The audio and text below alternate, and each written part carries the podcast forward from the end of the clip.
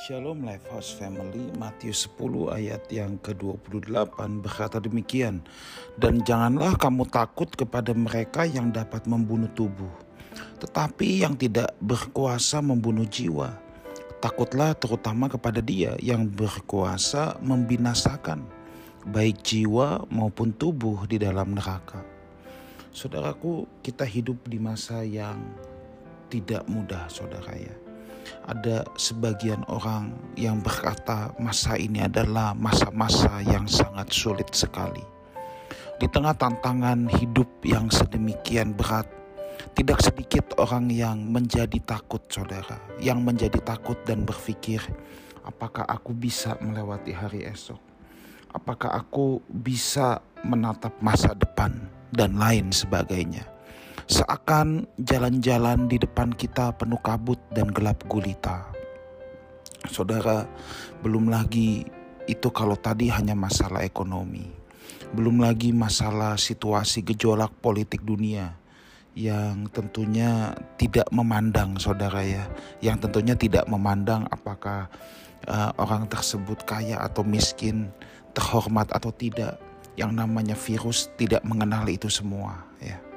Kalau kita melihat seperti COVID kemarin, banyak orang yang menjadi sangat takut akan keberadaan COVID. Belum lagi perang yang tidak kunjung berhenti dan dikhawatirkan akan meletusnya perang dunia ketiga, saudara ya.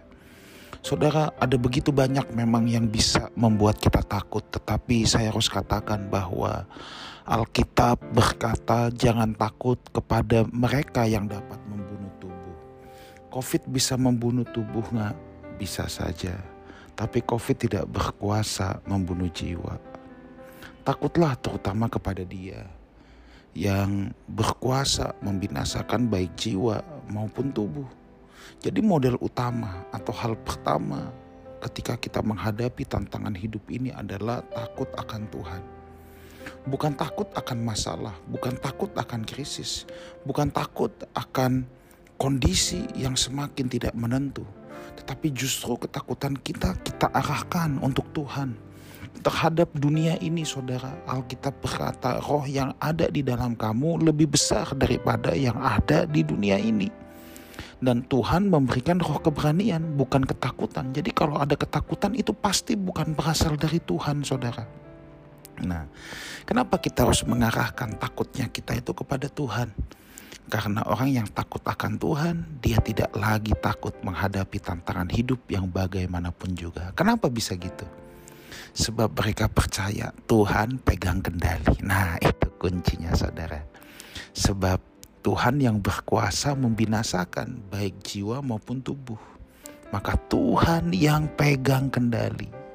Jangan seperti murid-murid saudara saat menghadapi angin taufan. Dia bilang kan, murid-murid Guru, tidak pedulikah engkau kalau kita binasa? Loh, Yesus juga ada dalam perahu loh. Tapi dia kok nggak percaya ya, seakan dia nggak percaya bahwa Tuhan Allah yang pegang kendali. Saudara, orang yang takut akan situasi-situasi dunia, takut kematian, takut covid, takut perang, takut ini, takut itu, takut masa depan. Sebenarnya dia sedang meragukan bahwa Tuhan yang sedang pegang kendali kalau seseorang percaya bahwa Tuhan pegang kendali, tentu ia tidak akan takut lagi, saudara ya. Saya berdoa kita semua bisa mengarahkan takut kita kepada Tuhan dan percayalah sesulit apa pun yang kita hadapi, sekelam apa pun tantangan di depan kita, ya sekelam apa pun, percayalah bahwa Tuhan pegang kendali. Tuhan Yesus menyertai kita semua. Tetap semangat dan dalam penyertaan Tuhan senantiasa. Amin.